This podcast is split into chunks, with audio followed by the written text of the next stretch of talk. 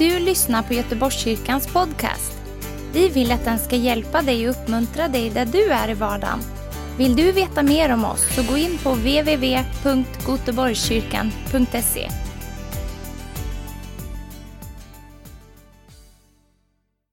Jag behöver ju vatten.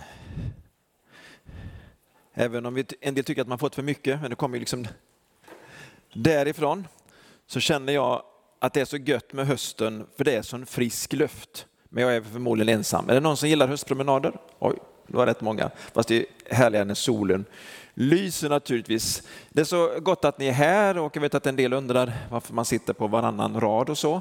Det har inte med att det finns någon lag på det, utan att vi vill på, på ett sätt börja lite försiktigt här och inte ändra för mycket. Men så mer det fylls på så kommer vi kunna sitta också på alla rader. Det vill vi va?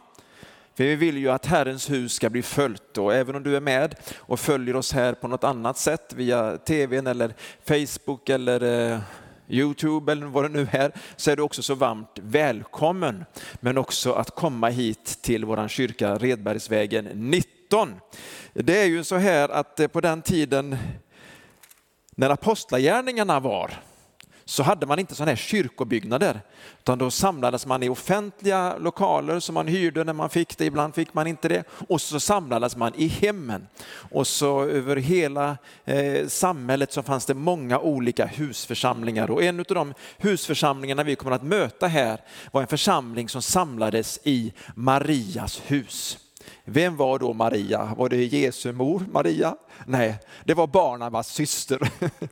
Och vem var då Barnabas? Jo, han var en, en mycket förmögen man och det var förmodligen hans syster också. Men som sålde det de ägde och bara gav det till församlingen och så kunde man vara med och dela ut till många som hade behov. Så det, det var ett fantastiskt ställe. I det här huset fanns det också en pojk som hade växt upp. Han hette Johannes. Och det var inte evangelisten eller aposteln Johannes, utan det var Johannes Markus. En del tänker, vem var det? Jo, det var ju han som, som en gång svek Paulus. Han liksom ställde inte upp och ledde inte upp till de kraven som Paulus hade. Men Barnabas var faktiskt hans morbror. Så det är mycket släktingar här i Bibeln, det är mycket bröder och, och systrar och, och, och familj. Jag tänker, hur kunde det vara så? Jo, Gud är så personlig han tror på familjen, han tror på husen, han tror på hemmet. Så därför så är församlingen också som ett stort hushåll. Så vi börjar i Apostlagärningarna 12. Apostlagärningarna 12 börjar ju inte så där väldigt eh, roligt, för det börjar med förföljelse. Och eh, jag vet att många här, redan innan den här förkunnelsen men också under den här förkunnelsen kommer att få en ny tro på att bönen gör en skillnad. Så redan nu så fortsätter jag på den vägen som, som Kevin och lovsångarna och Boris har slagit in på. Vi fortsätter att prisa Gud. Och du, i den här församlingen så får du säga halleluja högt. Du får säga tack Jesus. Du får göra liksom, inte massa konstiga jobbiga ljud för dig, men du får prisa Gud. Och du får även tala i tungen, men du behöver inte tala i tungen så högt så att andra eh, störs av dig. Och är det så att du har uttydning på ditt tungotal så är det ännu bättre. Visst är det härligt? Ja, för det är det som är tanken, att vi ska liksom låta allt vad andra har prisa Gud. Så nu, Herre, eftersom jag andas här och du andas, så prisar vi dig Gud. Vi tackar dig för att det också ska vara ljus och uppenbarelse över ditt ord, så att vi fattar att det här är inga vanliga mänskligt ihopsnickrade ord, utan det är ord som har inspirerats av den helige Ande, men skrivits av så många olika författare. Och här läkaren Lukas. Jag tackar dig för att den helige Ande också ger oss en smörjelse så att vi förstår vad ordet betyder för oss idag. Så att vi också ber, så att vi också tror att änglar kommer som svar på bön. Att vi också tror att vi ska få möta förföljelse, men också Guds underbara nåd och kraft mitt i det här. Att vi också tror att ditt ord ska ha framgång. Och det var nu man kunde säga amen. Yes, nu märkte jag att det var många som andades här ett amen. Kapitel 12, Apostlagärningarna. Vid den tiden lät kung Herodes gripa och misshandla några i församlingen. Börjar inte bra. Och Jakob, Johannes bror, lät han avrätta med svärd. Det är väldigt makabert. Förut var förföljelsen ifrån de religiösa ledarna. Det var sadduceer och det var eh, skriftlärda. Och lite senare var det liksom farisén eh, Saulus som blev frälst, tack och lov, som förföljde församlingen. Nu kommer en ny nivå av förföljelse, en politisk förföljelse, det är Herodes. Han var satt att leda Judeen, även under den här tiden Samarien. Han var en edomit, Herodes. Herodes hade också Abraham som stamfar. Men du vet, Isak han fick ju Esau och Jakob och från Esau kommer edomiterna. Han var inte en israelit, han var en edomit.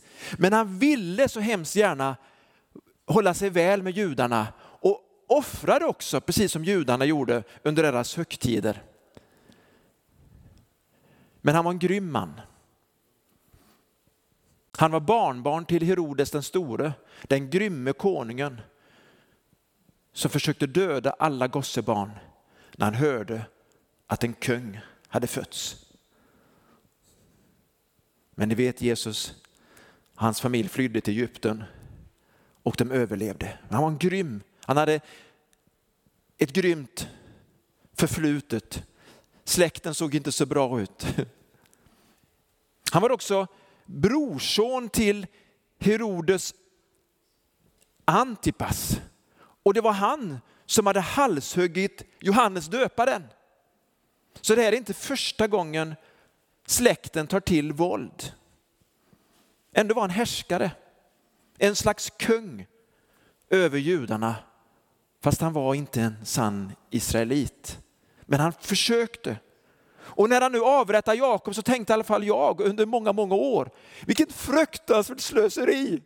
Här har Jesus satsat tre och ett halvt år på de här tolv apostlarna och en av de som var närmast Jesus, det var Jakob. Och så dör han bara efter några månader eller vad han nu trodde. Alltså så snabbt. Man tänker ju att kapitel 12 det kan ju inte vara många månader efter pingstdagen och, och så vidare. Men nu är det ungefär 11, 10, 11, 12 år efteråt. Så han har ändå varit med, så jag kan trösta er med det. För jag vet att många tror på det här. Att, ja, men det, hur, hur fort gick det? Vilket slöseri, vilket misstag. Han visste att han skulle dricka kalken. Han hade sagt till Jesus att han skulle dricka lidandets bägare. Ni vet på den tiden när de liksom hade en mamma som liksom tog fram sönerna och sönerna, de ska väl sitta här din högra och, och de, de ska väl liksom vara närmast dig och, och Jesus bara talar, är de redo att dricka kalken, att lida för mig? Och Jakob, han blev den första av apostlarna, inte den första martyren, men den första av apostlarna som dog som martyr. Brorsan, lillebror Johannes, han levde, levde länge, länge. Minst 90 år, förmodligen ännu mer. Visst är det märkligt? Och så står det så här, när Herodes såg att detta vann bifall hos judarna fortsatte han och lät också gripa Petrus. Alltså han blev hetsad och sporrad av alla applåder, alla hejarop, för han ville bli populär. Wow, oh, ja, vi tar Petrus också, han är den främsta ledaren. Och detta hände under det osyrade brödets högtid. Det var alltså judarnas påsk. Då de åt detta brödet snabbt. Inte som vi firar påsk, utan de firade påsk därför att de kom ihåg att vi blev befriade ut ur Egypten. Genom blodet som ströks på alla dörrposterna så blev de räddade skonade, pesach, som betyder gå förbi. Mordängeln eller domens ängel gick förbi. Pesach. Det, därför firar de påsk. Mitt i den här högtiden så fängslar de den kristna ledaren Petrus. Sedan han hade gripit honom satte han honom i fängelse och gav i uppdrag åt fyra vaktavdelningar om vardera fyra man att bevaka honom. Efter påsken vill han ställa honom inför folket. Alltså då skulle han avrättas offentligt. Nu kunde det inte gå så snabbt, för nu skulle påsken firas först. Sen så skulle det makabra hända att det skulle bli en offentlig avrättning. Många skulle se det makabra. Men det som händer här nu är ju, står det så här. Petrus hölls därför kvar i fängelset och församlingen bad uthållig till Gud för honom. Så det är en väldigt stor skillnad. Man hann inte med i svängarna när Jakob blev halshuggen. Det kom så överraskande. Visst, naturligtvis bad de för Jakob också, men inte på samma sätt. De hade liksom inte, kom inte samman, de hann inte med i den andliga kampen. Och vi kommer att få se det här att ibland så är det någon vi ber för som dör. Och någon annan gång är det någon som vi ber för som blir mirakulöst räddad eller helad eller befriad. Någon verkar inte alls få något bönesvar och ibland så kommer bönesvaret. Men det vi vet är att det gör en skillnad när vi ber. Hallå? Det vi vet är att vi ska vaka och vi ska inte bli överraskade. Det är därför Jesus säger till lärjungarna, när det liksom blir sådana här tider och det blir onda tider, var beredda på onda tider. Ni orkar inte ens vaka och be med mig en timme en gång, säger Jesus till lärjungarna. Inte ens en timme. Därför den andliga kampen och mörkret gjorde dem trötta och de somnade. Men hur är det med oss? Vi har ju åtminstone fått den heliga ande. Vi kan väl övervinna lite trötthet? Är det någon här inne som tycker det är lätt att övervinna trötthet? Inte en hand. Vad skönt att det var en ärlig församling.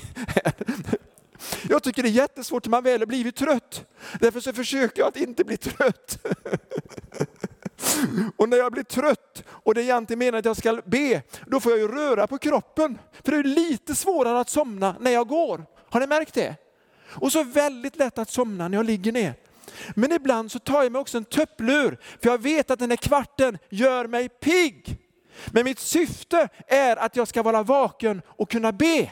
Syftet är inte softa, vila, slappa. Syftet är att vila, slappa och softa för att kunna arbeta, be, tjäna. Eller hur?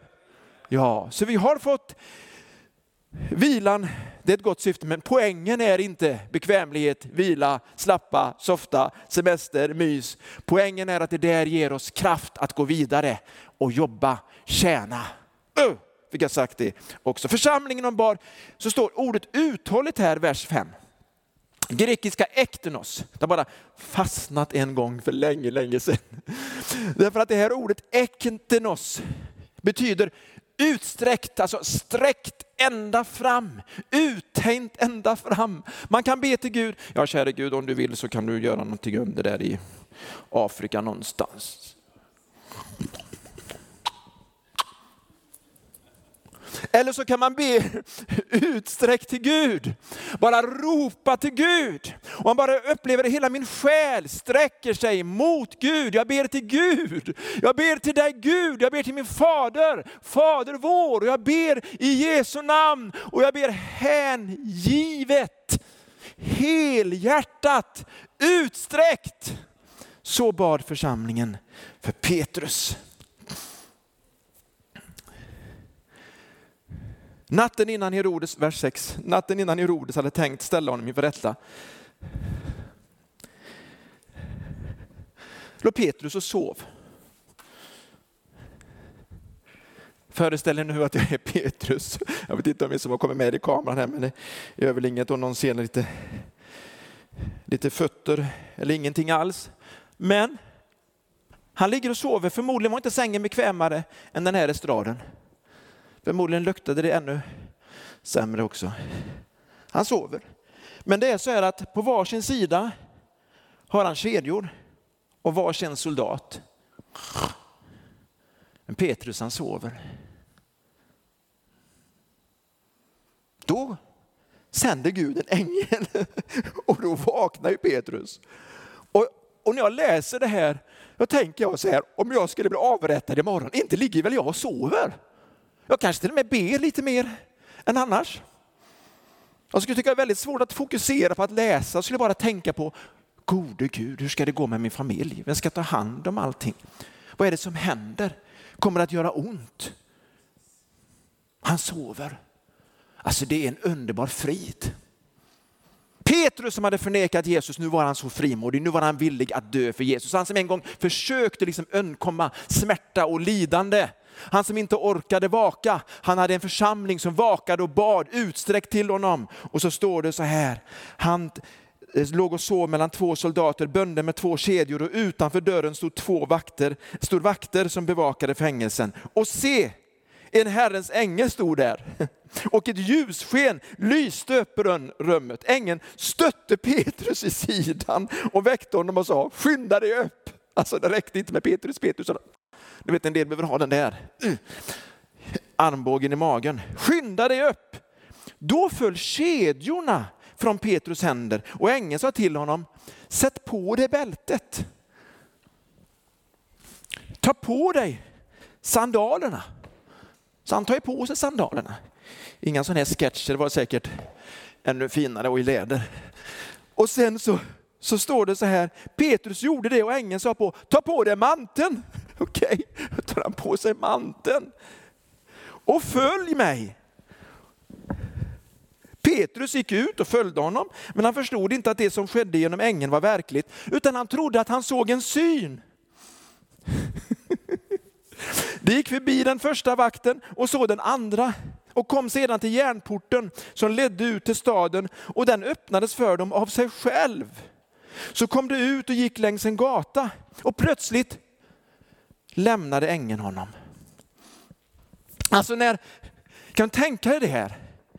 Ingen vakt vaknade av dem som låg där och sov, eller de kanske till och med var vakna förresten. Jag har inte ens tänkt på liksom, de kanske fort, Det bara händer. Ingen, ingen vakt ser dem. Men sen när de här portarna, det var liksom inte, inte en liten dragdörr, utan det var en port ut till staden av järn. Så bara går de rätt ut, den öppnas av sig själv. Och när de promenerar där så tror fortfarande Petrus det är en syn. Han har fortfarande ingen tro. Han hade ju blivit räddad en gång förut. Kapitel 5 tror jag att det är. Då var det apostlarna i häktet, det allmänna häktet. Och då gick de ut också ur fängelset. Och det blev ett våldsamt liv när de plötsligt stod och predikade in i staden, de som var i fängelset. Och de förstod fortfarande inte hur det gick till. Förutom de troende. Nu händer det igen! Vad är det som händer? När församlingen ber så kommer Guds änglar. Tror vi på det här? Nej, det är bara barn och new age som tror på änglar nu för tiden. Det är det inte alls. Troende över hela världen. Väldigt många utanför Sverige tror på änglar. Man ser änglar, man upplever änglar som i apostlagärningarna. Men det är precis som att vi har stängt för det andliga. Vi bara förnekar den andliga verkligheten. Och så tror vi att då händer ingenting, varken gott eller ont. Men då blir vi lurade av de här onda, osynliga demonerna. Och vi blir inte uppbyggda och betjänade, eller vi blir uppmuntrade av de goda andarna, Guds tjänsteandar som Gud har givit åt dem som har fått frälsningen, Hebreerbrevet. Så tror vi på änglar. Vill vi se en? Ja, jag erkänner, jag hade dött av skräck. Jag är så rädd för att bli överraskad. Jag kan tänka det ibland. Tänk om, alltså jag har inte klarat av det. Men det har varit underbart efteråt. Man har haft en story att berätta på något sätt. Men människor har sett änglar. Jag har varit i, i Afrika, i Sydafrika och så säger jag var väldigt skeptisk. Det var väldigt mycket syner och, och så här. Och vet att en gång i tiden var jag lite mer skeptisk till olika övernaturliga fenomen och trodde ju det, men, men det blir lite för mycket. Men så ber jag för människor där och eh, det var härliga möten och allting sånt. Och när vi bad så föll människorna ner så det är härligt som i bomull. Ett härligt möte, ni vet ju. Ni kommer ihåg på den gamla goda tiden vi hade sådana härliga möten. Men då är det någon som säger till mig, när du bad för dem så såg jag hela tiden en stor ängel och han var mycket större än dig. Säg inte så mycket tänker en del av er. Men han var en stor ängel. Och när du bad för människorna så rörde ängeln vid dem. Och jag blev uppbyggd av det. Men fortfarande har jag svårt för att tro på det. Och jag skulle vilja sett det själv. Är ni med? Men det händer ändå. Det fungerar ändå. Men jag tror att vi ska våga be mer frimodigt. när Daniel ber sin bön för att eh, Guds folk ska komma tillbaka till sin stad och liksom återuppbygga nationen igen. Då, säger, då är det en ängel som kommer i rörelse och strider för att han ska få bönesvar. Så fort Petrus öppnade sin mun, eh, förlåt, Daniel öppnade sin mun. När Daniel bad en bön, så fort han gjorde det så sändes ordet ut. Och bönesvaret kom inte samtidigt, men bönesvaret var på väg. Så när vi börjar be så är bönesvaret på det är på yes. Så om vi inte ber, precis. Nu kommer vi till det som är så känsligt, det jag tror att fienden har lurat oss i våra tvivel. Och då står det så här, när Petrus blev sig själv igen sa han, nu vet jag verkligen att Herren har sänt sin ängel och räddat mig ur Herodes hand och från allt som det judiska folket hade väntat sig. Då han nu insåg vad som hänt gick han till Marias hus. Nu vet ni vad Marias hus är. Barnabas syster. Hon som var mor till den Johannes som kallades Markus. Där var många församlade och bad. Det är samma Markus som har skrivit Markus evangelium. Hallå, visst är det underbart? Samma Markus som kände Petrus jättemycket, därför har Petrus så mycket utrymme just i Markus evangelium. Då han nu insåg vad som hade hänt gick han till Marias hus, alltså, förlåt säger jag det igen. Där var många församlade och bad. De fortsatte att be och det var många som var församlade, men inte hela församlingen för de fick inte plats i ett hus, utan de var utspridda i många hus över hela eh, Jerusalem, hela den platsen där. Då han nu insåg vad som hade hänt och så vidare. Petrus bultade på porten och en tjänsteflicka som heter Råde gick ut för att öppna. När hon kände igen Petrus röst blev hon så glad att hon istället för att öppna porten sprang in och berättade att Petrus står utanför porten. Alltså det här är ju så underbart. De sa till henne, du är knäpp i huvudet, alltså du är tokig, du är galen. Men hon höll fast vid att det var så. Och då sa de, nu har de en förklaring. Visst är det bra? Först är det någon som säger, vi har fått bönesvar. Bönesvaret är vid dörren. Då säger de, hur knäpp i huvudet eller? Visst är det underbart att vara med i en sån församling? Vet du, man ber till Gud, man ropar till Gud och så kommer någon och säger, vi har fått bönesvar, du knäpp i huvudet eller? Alltså skjut inte budbäraren. Det var ju ett bra budskap, men ibland kan det vara så att det bara är för mycket när någon kommer med något fantastiskt. Det tar ett tag, jag förstår dem. Jag är den typen som inte kan ta till mig ett bönesvar, en uppenbarelse, att det händer någonting så snabbt. Jag vill ha lite tid på mig. Och så vill jag analysera lite grann, så de analyserar. Det kan vara hans ängel. Så det kan vara hans ängel. Okej, okay. men, men, men, men de, hon, hon håller fast, det är hans ängel. Under tiden som de tror att han, så fortsätter Petrus att han står utanför. Han kanske väntar snart så kommer Herodes med mer soldater. Jag måste få komma in. Alltså det var lättare att komma ut ur fängelset än att komma in i församlingen. Jag hoppas inte att det är sant.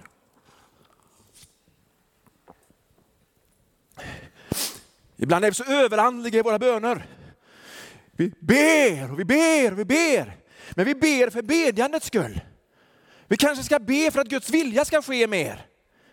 Ropa till Gud för att han ska uppenbara sin härlighet. Ropa till Gud att människor ska bli befriade och lösta och helade. Och inte bara be för bönens skull. Det kan bli så. Jag säger inte att det var så, men de hade inte någon större förväntan. Men de fick ändå bönesvar. Därför att de hade tillräckligt med tro för att be. Alldeles för många har inte ens tro för att börja be. Därför, att få, därför får man ingenting heller. Hur kan de säga att det var en ängel? Matteus 18 ska jag ändå läsa. För det är så fantastiskt att förstå när Jesus säger så här. Han talar om dessa små. Och dessa små är de som har tagit emot himmelriket som ett barn.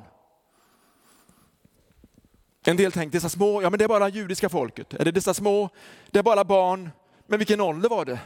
Det vet vi inte. Vi får ha någon slags apostlamöte här och bestämma vilken ålder, hur länge är man barn?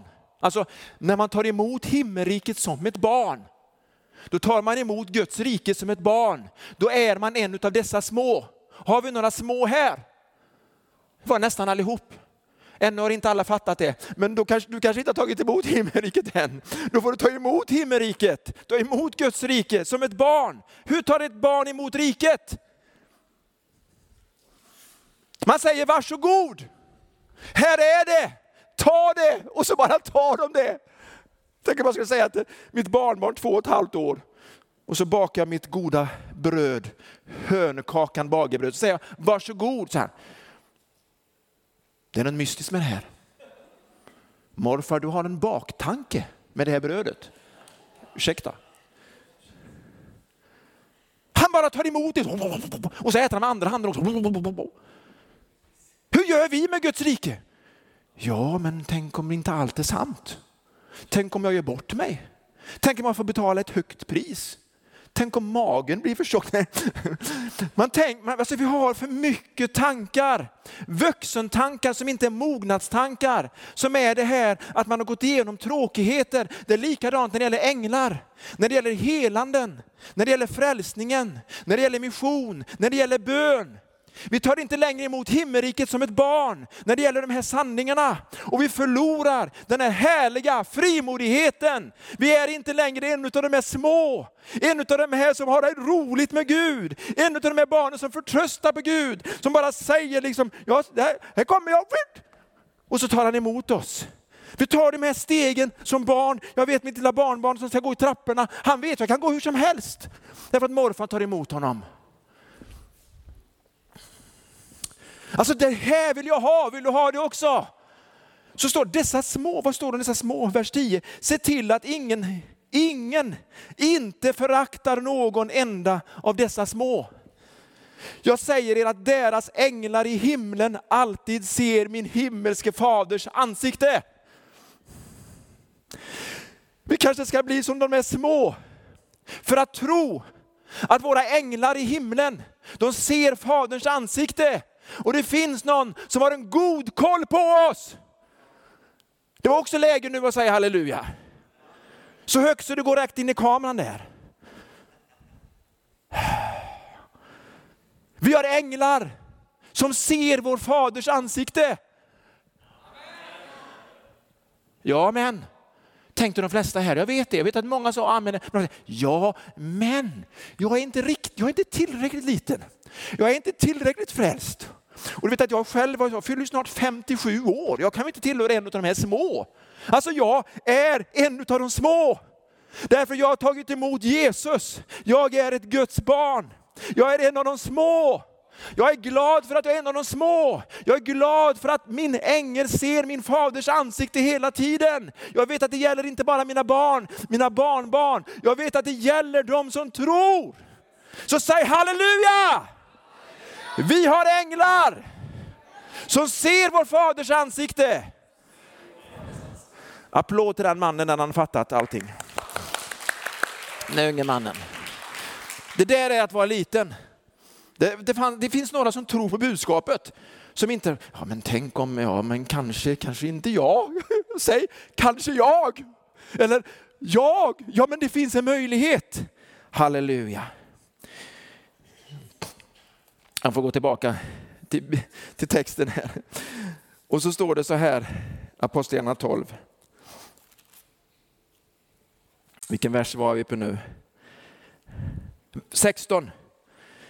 Nej, under tiden fortsatte Petrus att bulta och när det öppnade såg det till sin häpnad att det var han. Han gav tecken åt dem med handen att vara tysta. Jag kan tänka vad de kacklade.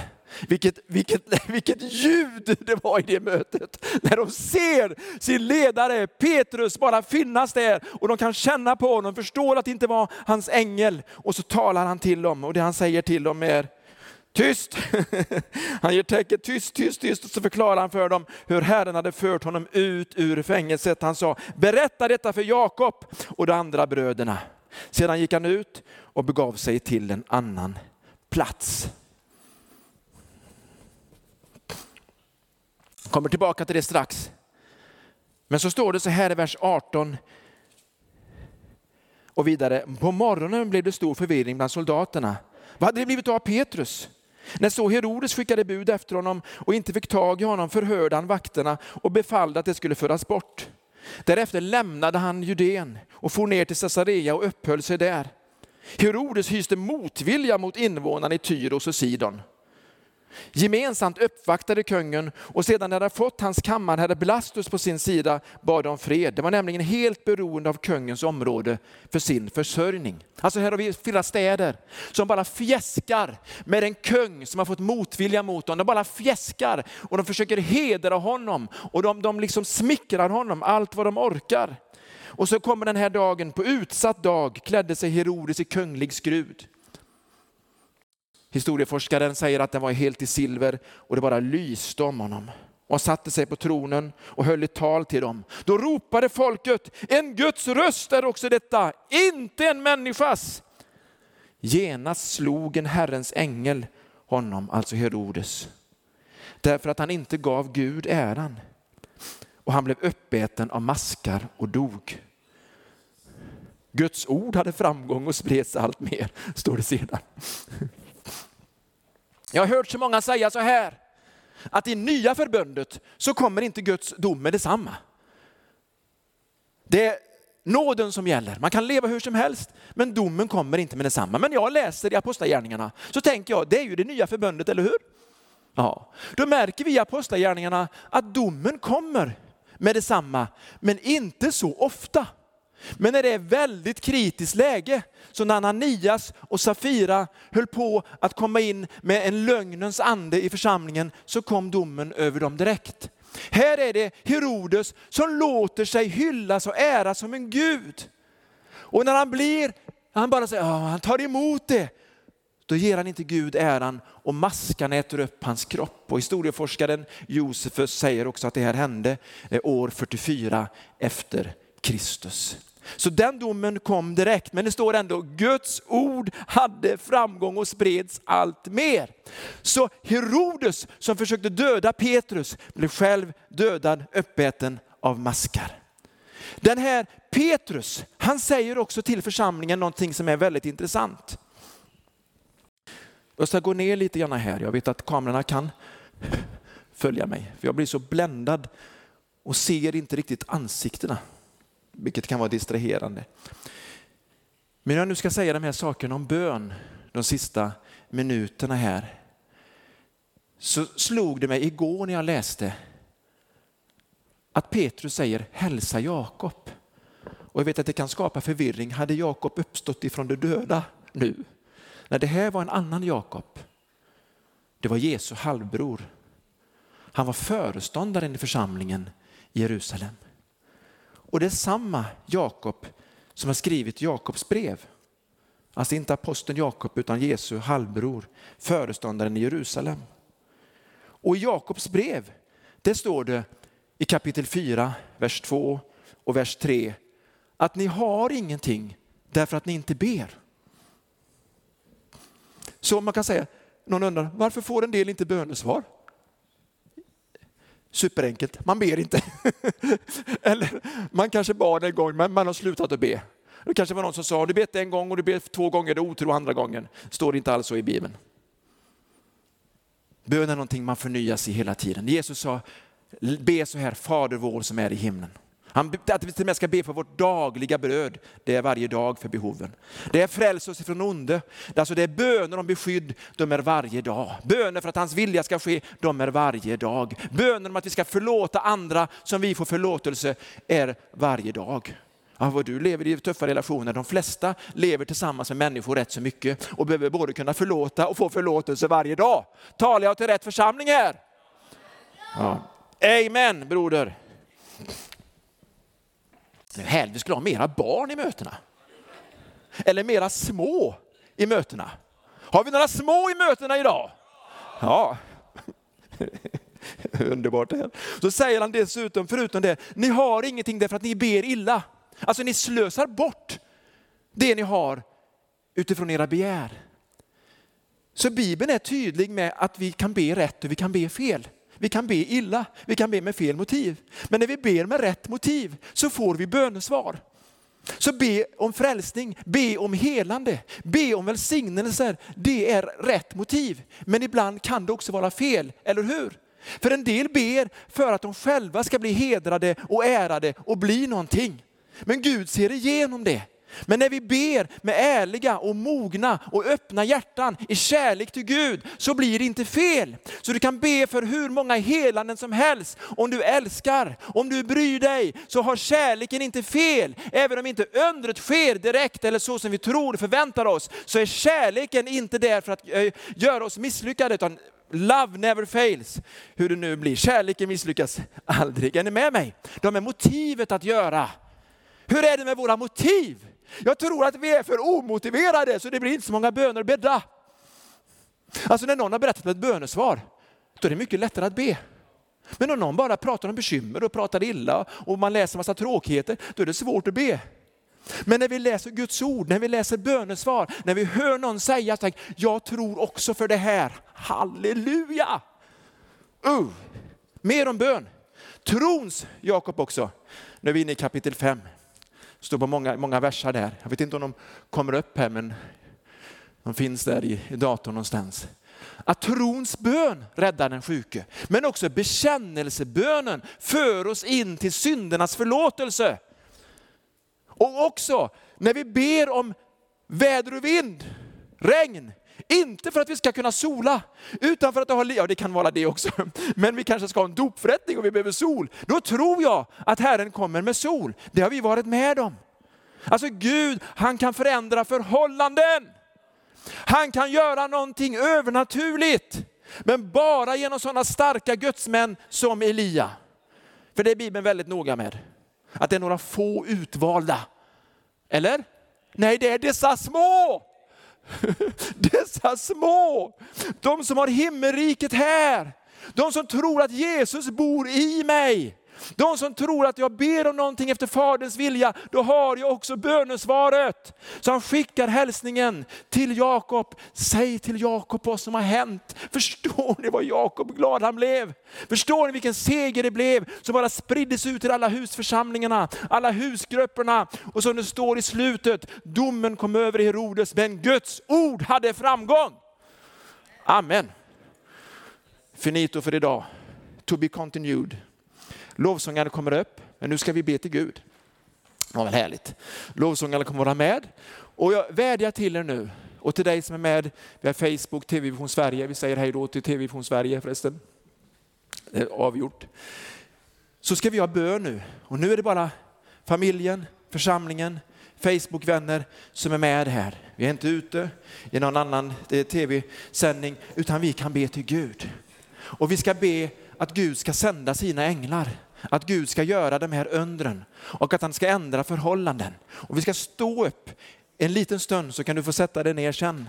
Lovsångarna, musiker ska vara med och anföra. Och jag önskar att du också är med och anför, att du också är med och ber. Och den första bönen vi ska be, det tror jag är den viktigaste bönen för oss alla här det är att ta emot Guds rike som ett barn. Du kanske tänker, det gjorde jag för länge sedan Christian. Jag blev frälst det året. Den månaden kanske du till och med vet. Men hur är det idag? Ber du till Gud som att himmelriket är inom dig? Ber du till Gud som en av dessa små, som har tro på änglar, som har tro att du har auktoritet över demoner? Ber du till Gud som en sådan person som har Jesu ande inom dig. Så hela din inre säger, allt är möjligt för Gud. Ber du till honom i den heliga andes kraft? Eller är du helt berusad av denna världens bekymmer, förlustelser, bekvämligheter, tokerier? Eller har du Guds ande inom dig så att du vill be till Gud och göra en förändring Offra tid, offra en timma här och där. Vara med när församlingen samlar till bön. Vara med när husgruppen, husgruppen samlar till bön. Eller när du själv tar den där bönepromenaden, sitter den här stunden och ropar till Gud och ber till Gud för familj, för vänner, att förhållanden ska förändras, att det ska ske mirakler och under, att Guds ord ska ha framgång. Så nu har tagit emot Jesus Kristus, honom som Herre, med tro som ett barn, där du säger tack för gåvan, tack för brödet, jag äter det. Då ska du göra det nu, utan baktankar, utan någon ens minsta lilla tanke på att Gud ska svika dig. Människor kommer säkert att håna dig och missförstå dig, men Gud kommer inte att svika dig. Hans ande kommer att flytta in i dig. Är det ett pris att betala? Ja, det är en omvändelse.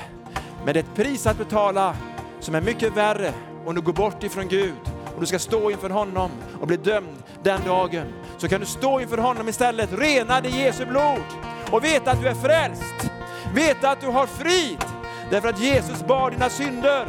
Jesus tog det på sig för att vi skulle bli fri. Så jag frågar dig, vill du bli en av dessa små? En sådan som kallas för frälst och räddad. Vill du bli det för första gången så räck din hand. Bara sträck din hand. Även du som är med oss via Facebook, vi ska be för dig. Vi ska be för dig. Du ska bara sträcka din hand. Jag tänker inte genera dig på något sätt. Vi ska be för dig. Ska inte genera dig på något sätt, inte kalla fram dig. Kanske prata med dig efteråt om du vill det.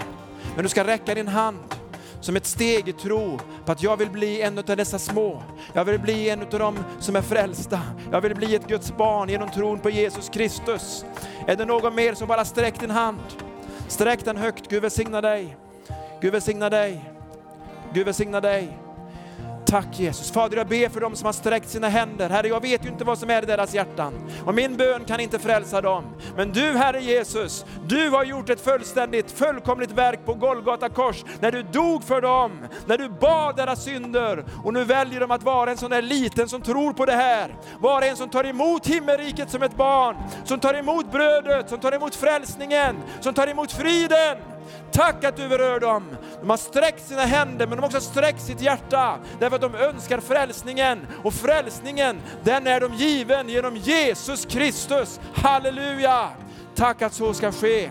Så ska ske. Tack Jesus. Fader jag tackar dig för att din ande också är där.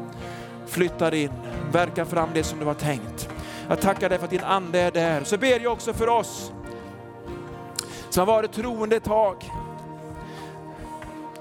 och du känner igen dig i mycket av det som jag predikat. Och du vill komma tillbaka, inte bli stor. Mogen men inte stor. Du vill vara en av dessa små som tar till dig himmelriket. Som tackar för brödet och äter upp det, tackar för bönesvaret och äter upp det. Som är med och tar emot riket och ger det vidare. Finns du här så räck din hand. Många som sträcker sina händer, jag förstår er, jag är med och viftar också för jag längtar efter det här. Jag vet inget bättre. Jag förstår inte hur jag kan komma ifrån det.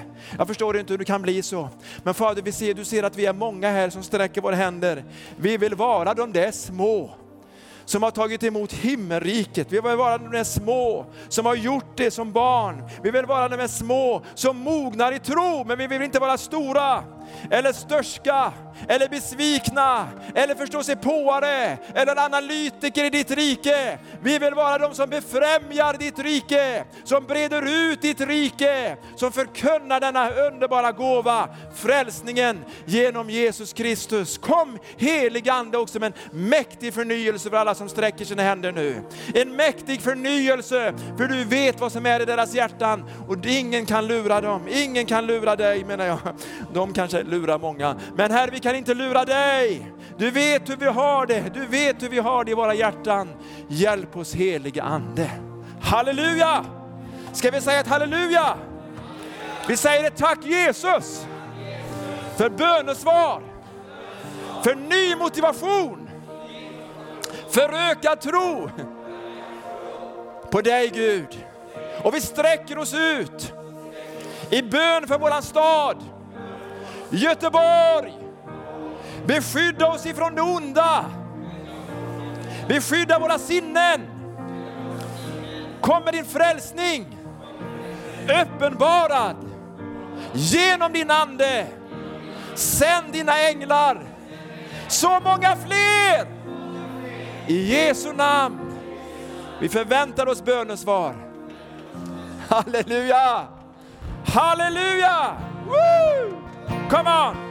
Prisa Gud! Tack för att du har lyssnat. Dela gärna podden med dina vänner och glöm inte prenumerera. Om du har frågor eller vill att vi ska be för något så mejla oss på info På söndagar har vi veckans höjdpunkt. Då firar vi gudstjänst tillsammans och det vore så kul att träffa dig där. Men vi har även samlingar för barn då? Gå in på vår hemsida goteborgskyrkan.se så får du veta mer. Välkommen till oss!